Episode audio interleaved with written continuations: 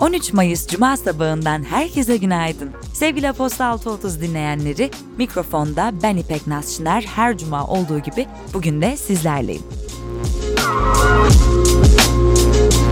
Bugünün bülteni Arkitek destekleriyle ulaşıyor. Architect, firmaların ihtiyaç duyduğu çok faktörlü kimlik doğrulama, mobil uygulama ve cihaz güvenliği ve güvenli işlem doğrulama yetkinlikleri barındıran kapsayıcı ürünü Power Factor'ı sunuyor. Ayrıntılar bültende. Piyasalar ve ekonomi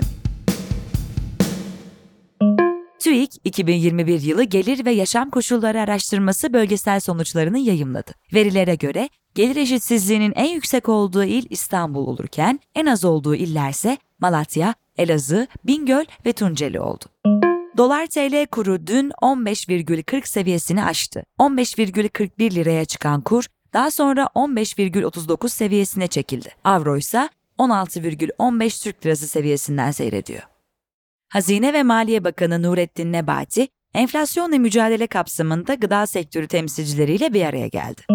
Uluslararası Enerji Ajansı, Ukrayna işgalinin ardından uygulanan kısıtlamalara rağmen Rusya'nın petrol gelirlerinin %50 arttığını bildirdi. Satışların önemli bir bölümünün Avrupa Birliği'ne üye ülkelere yapıldığına dikkat çeken ajans, ambargolar nedeniyle yılın ikinci yarısında Rusya'nın direncinin düşebileceğini belirtti. Birleşik Krallık ekonomisi Mart ayında %0,1 daraldı. Yılın ilk çeyreğinde %0,8 büyüyen ekonomide büyümenin %1 seviyesinde gerçekleşmesini bekleniyordu.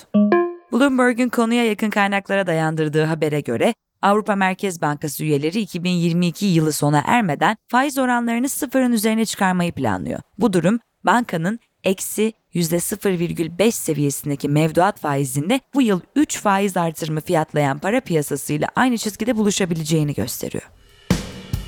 İş Dünyası Suudi Arabistan'ın ulusal petrol ve doğal gaz şirketi Saudi Aramco, piyasaya değerinin 2,4 trilyon doları aşmasıyla Apple'ın sahip olduğu dünyanın en değerli şirketi ünvanını devraldı. Toyota, ham madde ve enerji fiyatlarındaki yükseliş nedeniyle Mart 2023'e kadar işletme karının %20 düşmesini bekliyor. Shell, Rusya'daki iştiraki Shell Nefti ülkede faaliyet gösteren 411 istasyonuyla birlikte Rusya merkezli Lukoil'e satıyor. Anlaşma kapsamında Moskova'nın batısında bulunan motor yağı fabrikası da Lukoil'in olacak. ABD merkezli yayın kuruluşu Bloomberg, Birleşik Krallık merkezli Bloomberg UK markasını kuracağını açıkladı. Politika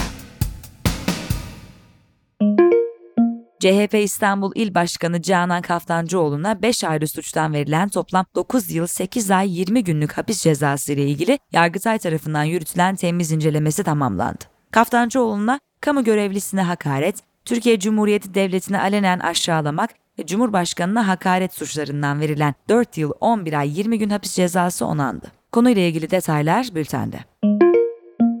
Kültür ve Turizm Bakanlığı, Bakan Mehmet Nuri Ersoy'un ana hissedarı ve yöneticisi olduğu şirketin Bodrum'da yapacağı 5 yıldızlı tatil köyü projesi için hazineye ait 25 bin metrekarelik orman arazisinin projeye dahil edilmesini onayladı.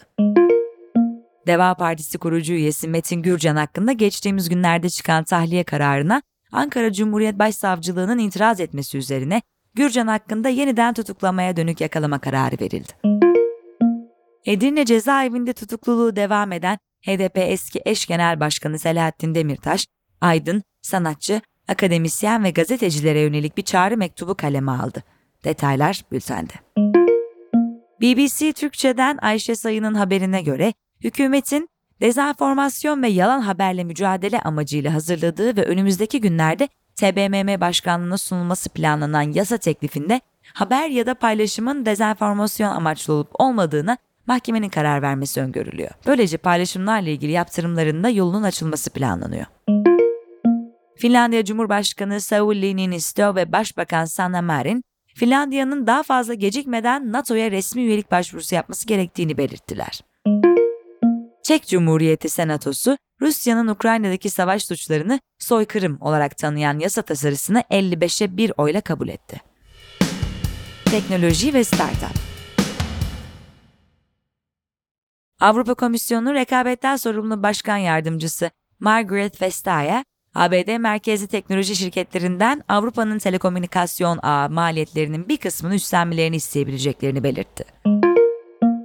Toyota, sadece kiralama opsiyonu sunduğu ilk seri üretim elektrik bataryalı otomobil modeli olan BZ4X'i Japonya'da piyasaya sürdü. Dış pazarlarda satışa da sunulacak olan araç Japonya'da 4 yıllığına 39 bin dolara kiralanabilecek. Founder One Yatırım Fonu, toplum ve çevre üzerinde sürdürülebilir olumlu etki yaratacak ve ölçülebilir etki hedefleri olan girişimlere fikir ve tohum aşamasında yatırımlar yapmak üzere Türkiye Girişimcilik Vakfı ve Türkiye Bilişim Vakfı öncülüğünde kuruldu. Fon, bu alanda kurulan ilk yatırım fonu olma özelliği taşıyor. El Salvador, Devlet Başkanı Nayib Bukele'nin Bitcoin alımlarını kripto paranın değerini kaybetmeye devam ettiği süreçte sürdürmesi nedeniyle yaklaşık 29 milyon dolar zarara uğradı. Bukele'nin satın aldığı 500 Bitcoin ile birlikte harcamaları 103 milyon dolara ulaştı. Spor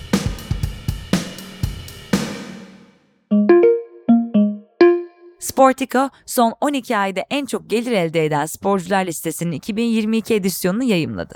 Saha içi ve saha dışı gelirlerin toplandığı çalışmada zirvede 126.9 milyon dolarlık geliriyle LeBron James yer aldı. İlk beşli sırasıyla Lionel Messi, Cristiano Ronaldo, Neymar ve Canelo Alvarez tamamladı. Detaylar bültende. Sultanlar Ligi final serisi 5. maçında Vakıfbank, Fenerbahçe Opet'i 3-0 mağlup ederek seriyi 3-2 kazandı ve şampiyon oldu. Bu sezon iki takımın tüm kulvarlarda 11 karşılaşmasında 7-4 üstünlük kuran Vakıfbank üst üste 4. toplamda 13. Sultanlar Ligi şampiyonluğuna ulaştı. Shane Larkin, Turkish Airlines Euroleague'de 2021-2022 sezonunun en iyi 5'ine seçildi. %39.4 üçlük yüzdesiyle 14.6 sayı, 5.3 asist, 1.3 top çalma ortalamaları yakalayan ve 18.9 verimlilik puanıyla bu kategoride sezonu ikinci tamamlayan Larkin'e ilk 5'te Monaco'dan Mike James, Olympiakos'tan Sasha Vezenko, Barcelona'dan Nikola Mirotic ve Real Madrid'den Walter Tavares eşlik etti.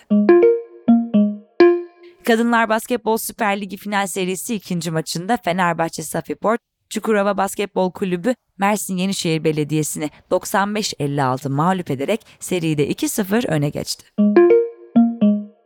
Roma ev sahipliğinde oynanan 2022 İtalya Açık'ta Profesyonel Tenisçiler Birliği ve Kadınlar Tenis Birliği tek kadınlarda ikinci tur maçları geride kaldı. Bir süredir izlenemeyen rekabette Stan Wawrinka'yı eleyen Novak Djokovic kariyerindeki 998. galibiyeti aldı ve çeyrek finalde Felix Auger Aliasim'le eşleşti. Günün hikayesi. Günün hikayesinin konusu NATO kuzeye doğru genişleyecek mi?